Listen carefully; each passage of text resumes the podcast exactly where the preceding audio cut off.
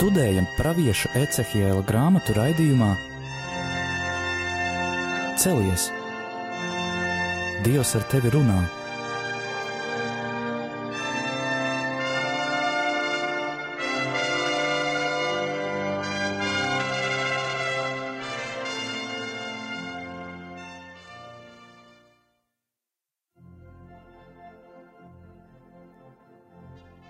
Slavēts Jēzus Kristus! Mūžīgi mūžos slavēts Studijā Stela, un Anžela.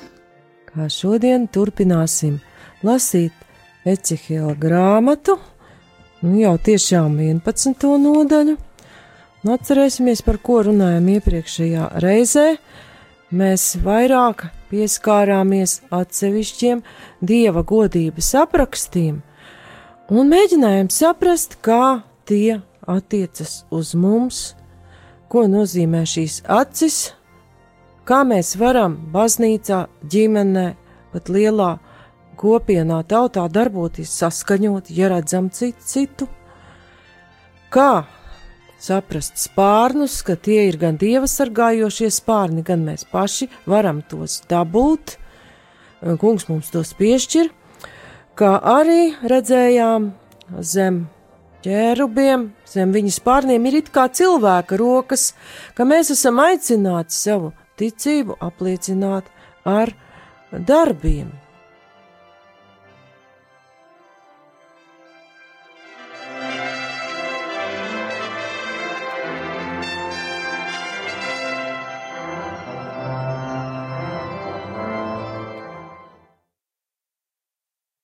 Niekam spārējam jau pie nākamās nodaļas, ko Dievs runā uz ļaunprātīgajiem vadoņiem ar pravieša muti, vēl varam atgriezties nedaudz pie rokām un oglēm, ka ogles nenozīmē tikai tiešu dieva sodu, bet arī mēs paši ar tām rokām, kas dara labu, varam sagādāt ogles uz galvas mūsu pretiniekam, ienaidniekam un tādējādi arī viņu šķīstīt, uzvarot ļaunu ar labu, kā apustulis Pāvils saka, un tur jau šī šis ogļu simbols un rokas tieši savienojas ar mūsu pašiem, ar mūsu izvēli, ko iesākt ar savu pretinieku un savu ienaidnieku, kurš varbūt tiešām dara ļoti slikti, ir mums nodarījis pāri.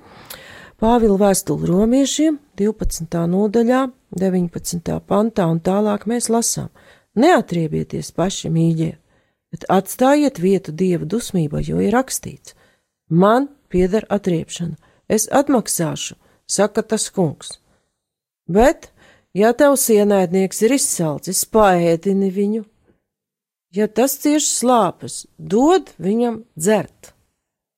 Tā darīdams, tu uz viņa galvas sakrāsi kvēlojošas ogles, ļaunums, lai tevi neuzvar, bet pats uzvar ļaunu ar labu.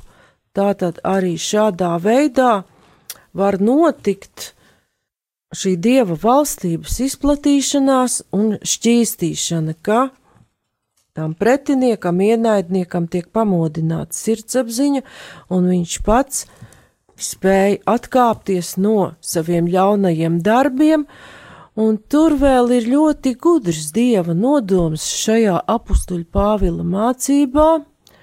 Padari to ienaidnieku par savu draugu, par savu darba biedru, kas kopā ar tevi jau izplatīs dieva valstību pasaulē. Un kas tad notiek tālāk, ja 11. nodaļā mēs varam lasīt par dieva spriedumu ļaunprātīgiem vadoņiem? Un atkal apraksts sākas ar šo dieva spēku. Dieva spēks mani pacēla augšup un nones pie tā kunga nama vārtiem, kas ir pret rītiem. Tad tas, kas ļauj pravietim darboties, ir kunga spēks. Mēs to lasām Ecihela grāmatā ļoti, ļoti bieži, tā tad viņam bija īpaši, īpašas attiecības ar kungu un viņa spēku.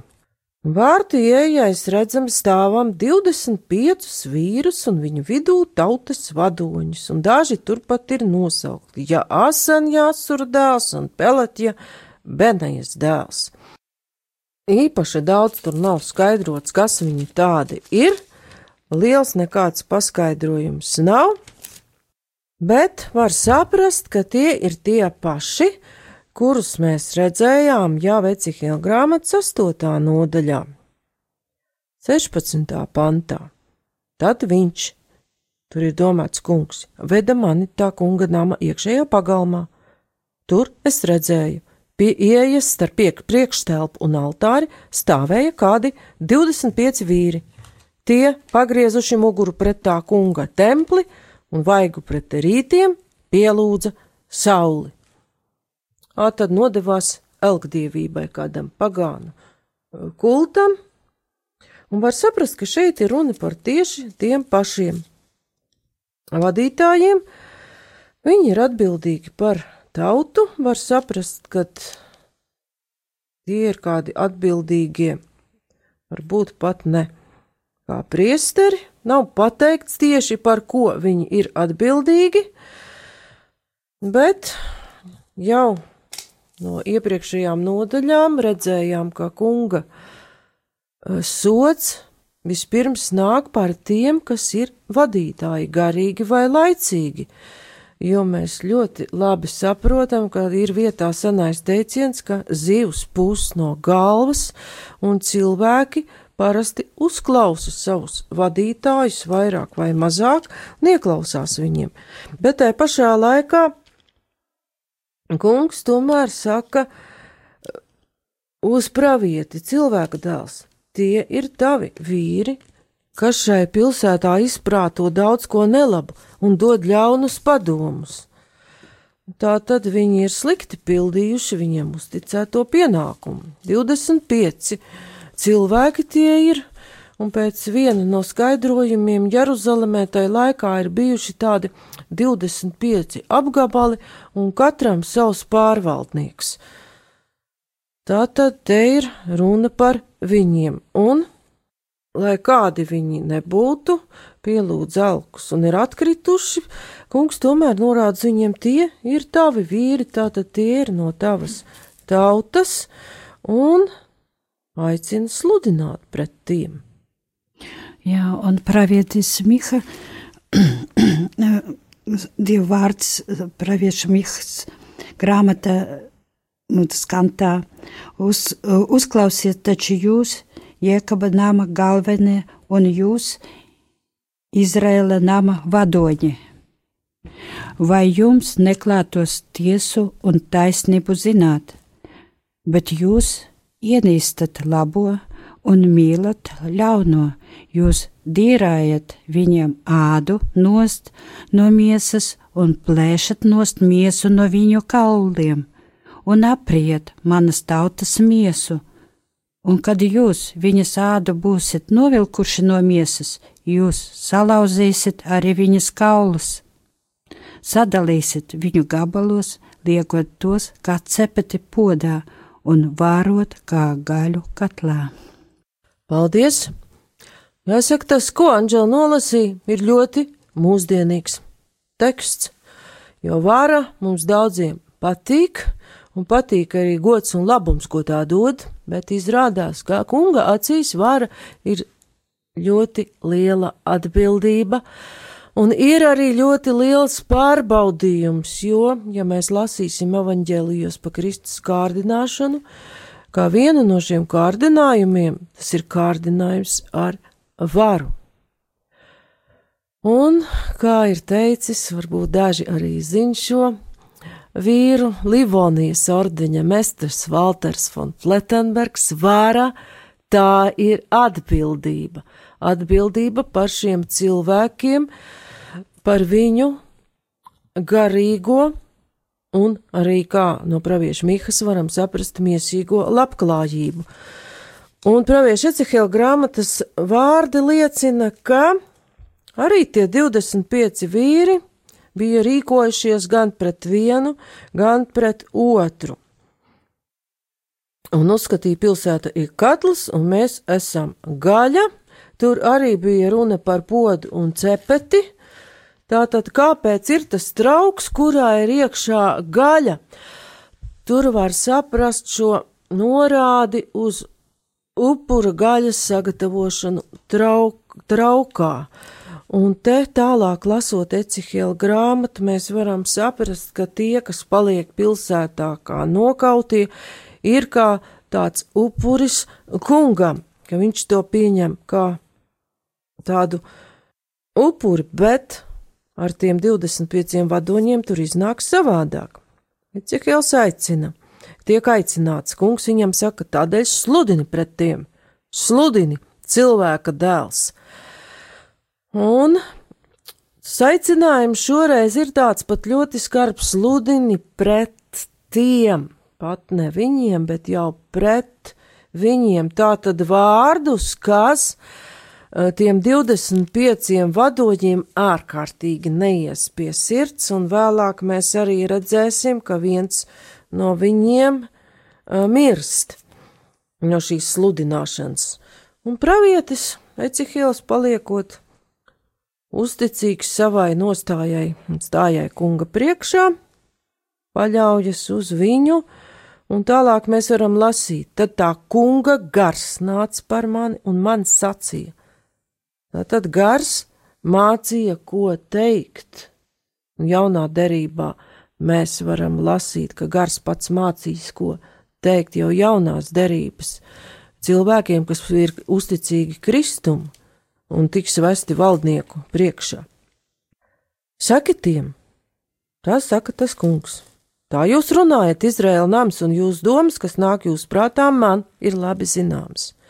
Daudz ir to, ko jūs esat nokāvuši šī pilsētā. Pilsētas ielas ir pilnas ar nokautiem. Tādēļ saka tas kungs, jūsu nokautie, ko jūs esat noguldījuši pilsētā, ir gaļa, un pilsēta ir katls. Te var saprast, ka šos cilvēkus ir nokāvuši tieši šie 25 atbildīgie par tautas uh, dzīvību un veselību, un var saprast, ka viņi ir nogalināti, nevar būt kādā uh, pilsoņu karā vai kādā tādā apspiežot kādu sacelšanos, bet ka viņi ir tikuši nogalināti tieši tādā veidā, kā lasīja Anžela pie pravieša Mikas, ka viņiem ir tiešām novilktas šīs deviņas ādas un viņiem nav vairs no kā dzīvot. Iespējams, ka šie valdītāji ir vērsušies pret cilvēkiem arī par kādu formālu likuma burtu nepildīšanu. Tātad tur pamatā šai cilvēku nāvei ir bijusi netaisnība, ko ir darījuši šie 25 vadītāji. Un pravietis jau pasaka, ka nebūs tā, kā jūs domājat, ka šis upurs dievam ir šie nokautie cilvēki. Un tālāk ir jau brīdinājums, kas notiks ar viņiem pašiem. Jūs bīstaties, nu, pirmkārt jau ir pateikts, es jūs izvedīšu ārā no tās, ka būs pilsēta jāpamet. Jūs bīstaties no zobena, bet es tiešām sūtīšu zobenu pār jums, saka Dievs tas kungs. Jūsu nokautie, bet tiem, ā, to jau es nolasīju, atvainojiet, bet es tiešām sūtīšu zobenu pār jums, saka Dievs tas kungs. Es jūs izvedīšu ārā no pilsētas, un jūs nodošu rokās svešajiem, un es nesīšu jums tiesu. Jūs kritīsiet no zobena pie Izraēļa robežām, es jūs tiesāšu, un jūs atzīsiet, ka es esmu tas kungs. Un tālāk ir pants, kas ir paralēls ar šo izteikumu par katlu un gaļu, bet tikai apgrieztā veidā. Šī pilsēta jums nebūs par katlu, un jūs nebūsit tanī par gaļu pie Izrēla robežām, es jūs tiesāšu. Un vēsturiski vēlāk notiek tik tiešām tā, ka Nebukadnēcars jūda augstmaņus nogalināja pie robežas tādā vietā, ko sauc par Rīvlu, pašā tālākajā Kanāna zemes stūrī. Tā tad viņi nebija cienīgi kļūt par šo gaļu, kas izšķīst Jeruzalemē dieva pilsētā, kurā viņš reiz ir mājojis.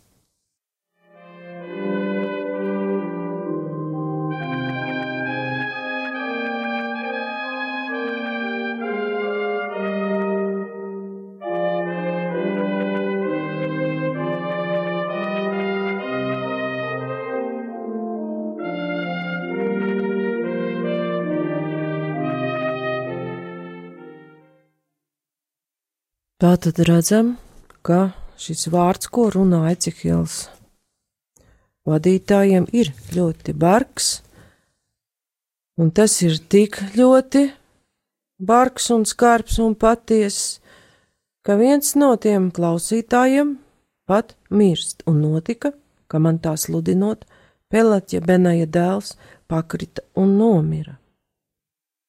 Un 12. pāns iepriekš jau arī pasaka, ka kādēļ notiek šī izvešana no pilsētas un nāk šis posts. Tad jūs atzīsiet, ka es esmu tas kungs, pēc kura likumiem jūs nestaigājāt, un kura baušļus jūs nepildījāt, bet jūs pildījāt to tautu likums, kas jums bija visapkārt. Tātad, lai vestu lielus un mazus arī vadītājus pie atziņas. Taču teksts nepaliek pie, tik, tikai pie soda, un vadītāju atbildības. Atkal pār pravieti nāk kunga vārds, un 11. nodaļas 15. pantā viņš saņem šādu teikumu. Tad par mani nāca kunga vārds - cilvēka bērns. Tie ir tavi brāļi, jā, tavi brāļi un radi, un viss Izraēla nams, par kuriem Jeruzalemes iedzīvotāji saka, tie tagad ir tālu prom no tā kunga Mums ir dota šī zeme par īpašumu.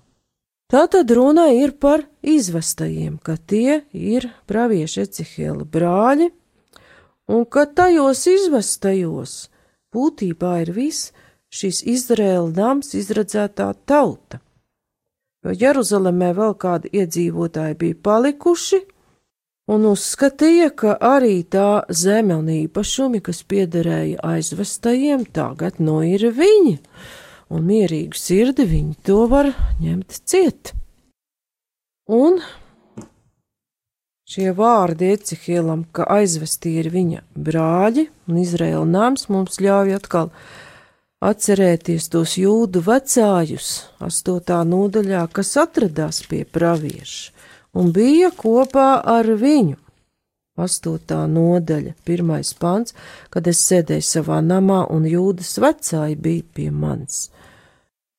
Tā tad, acīm redzot, ir kāds pulks uzticīgu cilvēku Izraēla dievam, kas ir kopā ar pravieti. Un tālāk jau seko apsolījums. 16. pantā tādēļ saki tiem, tā saka tas kungs, jebšu es to stālu aizved starp tautām un tos izkaisīju pa zemēm, tomēr es vēl nedaudz esmu tiem par svētumu tais zemēs.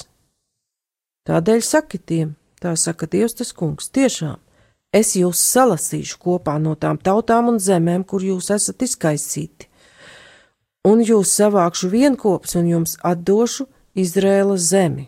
Tad tāda paradoxāla situācija ir izveidojusies, ka Dievs ir par svētumu tiem, kas ir izkaisīti, viņiem, tiem, kas ir izvestie, ir prom svešā zemē, viņiem ir Dievs.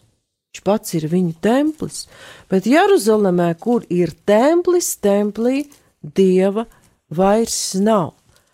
Jo, kā Ecehila grāmatā 8. nodaļā jau lasījām, pie altāra templī ir elks, un priestera telpās uz sienām ir zīmēti elku tēli. Tātad gūstekņiem un vajātājiem ir Dievs bet tiem Jeruzalemē, kur ir templis, dieva nav, jo dieva godība ir aizgājusi prom no tempļa.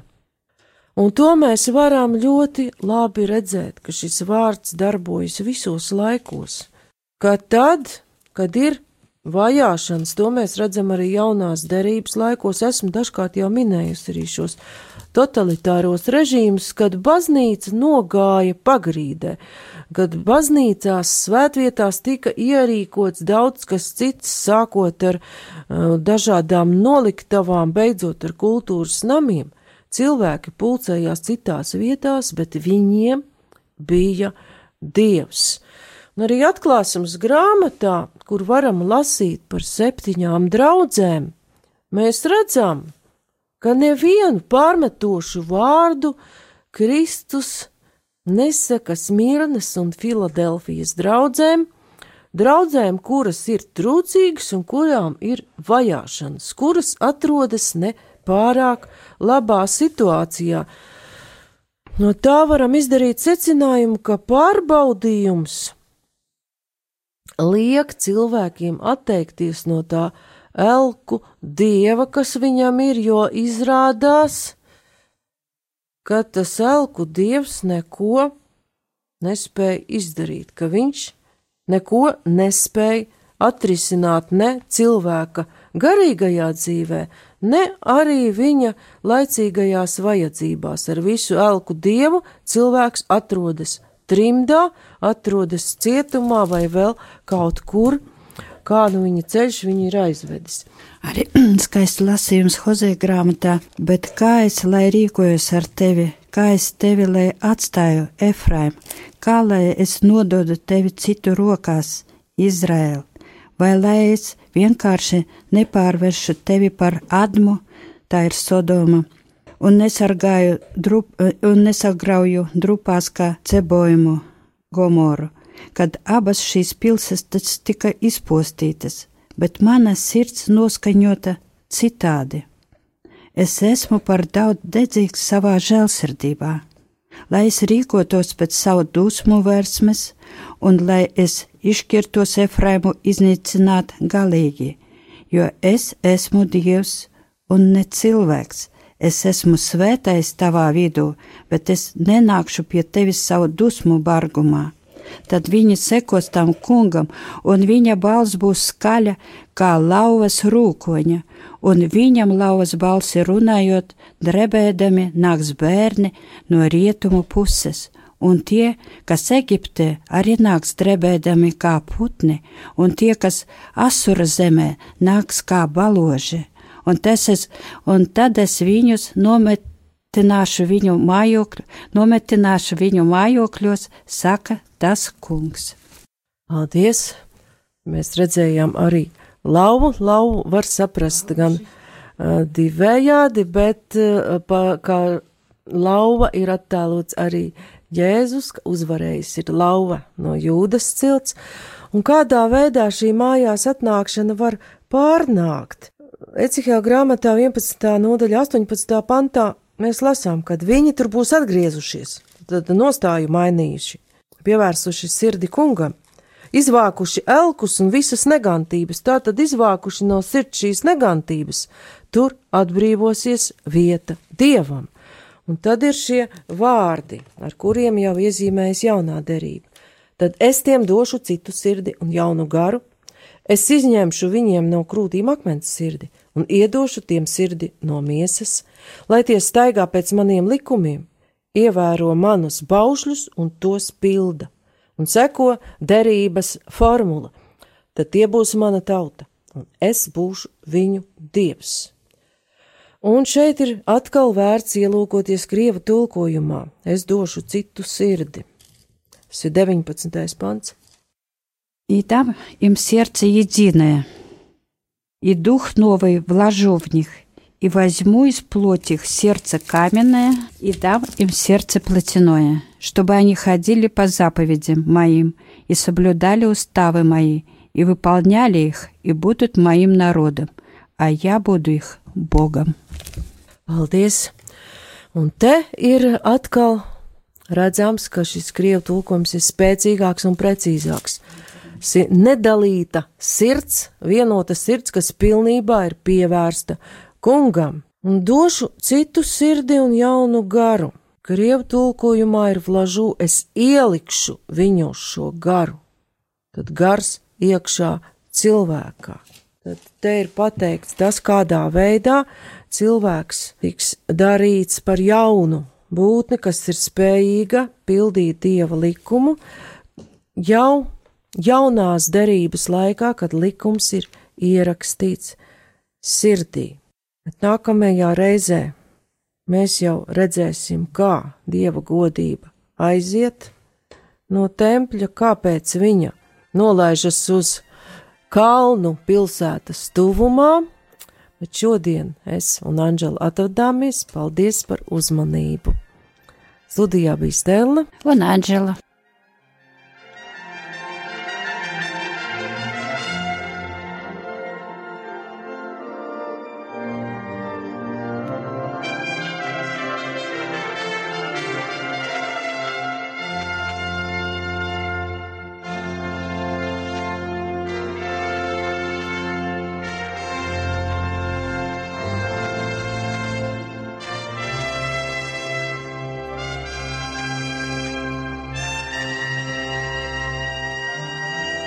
Izskanēja raidījums Celies! Dievs ar tevi runā!